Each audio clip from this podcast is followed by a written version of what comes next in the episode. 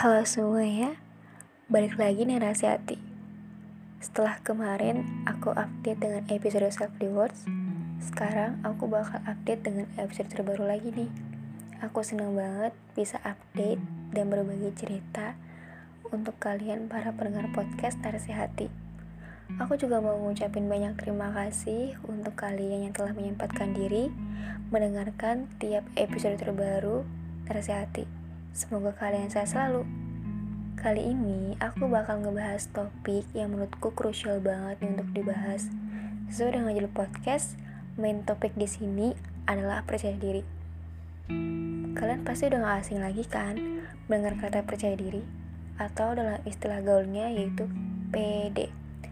Dalam kehidupan sehari-hari, mungkin gak cuman aku aja, Mungkin kalian para pendengar podcast luar sana juga sering banget ngerasain di mana ada saat-saat kita merasa gak percaya diri, ngerasa minder, ngerasa takut, grogi, dan lain sebagainya. Contohnya, saat aku disuruh maju presentasi di depan, tapi aku ngerasa belum matang persiapannya, lalu ngerasa gugup dan gak pede buat maju ke depan. Kayak aduh gimana nih, aku belum latihan lagi buat presentasinya. Aduh gimana nih, kalau misalnya nanti ada kesalahan pas presentasi. Selain contoh tersebut, masih ada banyak lagi contoh kasus lainnya. Nah, segala problem tersebut dapat kita atasi dengan adanya self-efficacy atau efikasi diri. Hmm, mungkin beberapa dari kalian para pendengar podcast ada yang masih bingung. Apa sih self-efficacy itu? Menurut Bandura, self-efficacy atau efikasi diri adalah keyakinan diri seorang bahwa dirinya mampu untuk menemukan cara-cara tertentu dalam mencapai tujuan, serta keyakinan bahwa dengan cara-cara itulah yang dapat mengantarkannya untuk tercapainya suatu tujuan tertentu. Singkatnya nih, self-efficacy atau efikasi diri itu bisa diartikan bahwa kita memiliki keyakinan untuk bisa mencapai suatu tujuan tertentu. Individu digolongkan menjadi dua berdasarkan efikasi dalam dirinya. Yang pertama ada seseorang dengan efikasi diri yang tinggi, yaitu seorang yang memiliki keyakinan penuh terhadap segala tujuannya. Sedangkan individu dengan efikasi rendah, yaitu seorang yang kurang bahkan tidak memiliki efikasi atau keyakinan dalam dirinya untuk berproses dan mencapai tujuannya. Rendah atau tingginya efikasi dalam diri seseorang tentunya dipengaruhi oleh berbagai macam faktor. Yang pertama, pengalaman keberhasilan yang pernah didapatkan. Dalam segala kehidupan, kita pun pasti mengeluarkan segala effort untuk melakukan tujuan yang kita tetapkan, dan dengan keyakinan juga usaha yang keras agar kita bisa mencapai tujuan tersebut. Dan dengan keberhasilan itulah yang membuat diri ini menjadi lebih yakin dengan kemampuan diri sendiri. Contohnya, saat si Rani mengikuti lomba lari maraton dan dia mendapati Budi sebagai salah satu pelari terbaik sekolahnya Bahkan ia sudah berkali-kali mengikuti festival olahraga tersebut. Rani pun yang sudah banyak latihan dan juga tidak kalah dengan si Budi. Dan saat perlombanya pun dimulai, Rani memenangkan lomba lari tersebut. Meskipun hanya berbeda beberapa detik dari si Budi. Di situ itulah Rani merasa senang dan bahwa ia percaya dia pasti bisa menangkannya. Yang kedua, motivasi dari keberhasilan seseorang. Keberhasilan orang lain mampu membuat diri kita termotivasi dalam melakukan suatu hal.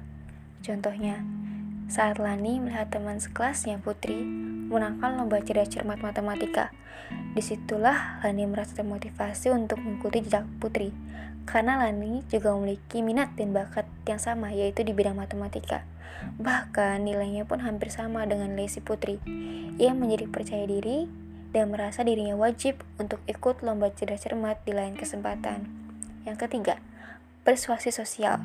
Kalian pasti pernah mendengar istilah support system dalam kehidupan, entah itu keluarga kalian, teman kalian, bahkan pacar kalian.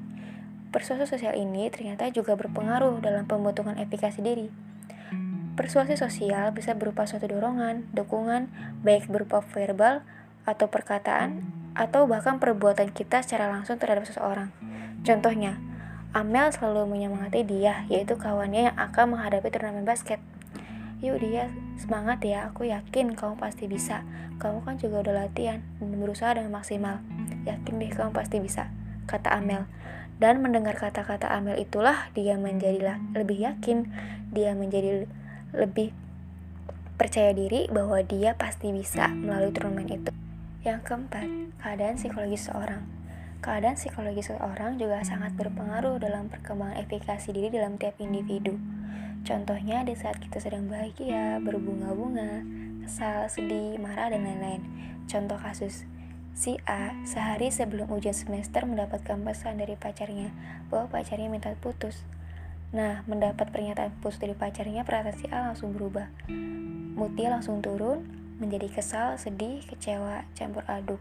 Dan yang tadinya ia bersemangat banget buat belajar dan mempersiapkan ujian untuk besok, mood baiknya langsung rusak seketika. Hingga esoknya saat ujian dimulai, ia tak mampu mengerjakan ujian tersebut. Karena sebelumnya si A belum belajar sama sekali, hingga menyebabkan hasil ujian si A itu tidak sesuai dengan harapannya. Nah, itu dia sedikit seputar self-efficacy. Sebelumnya maaf ya, disclaimer. Untuk segala nama yang aku cantumkan di atas itu hanya karangan aja. Semoga bermanfaat dan jangan lupa selalu bahagia. Sampai jumpa di episode berikutnya. Dadah.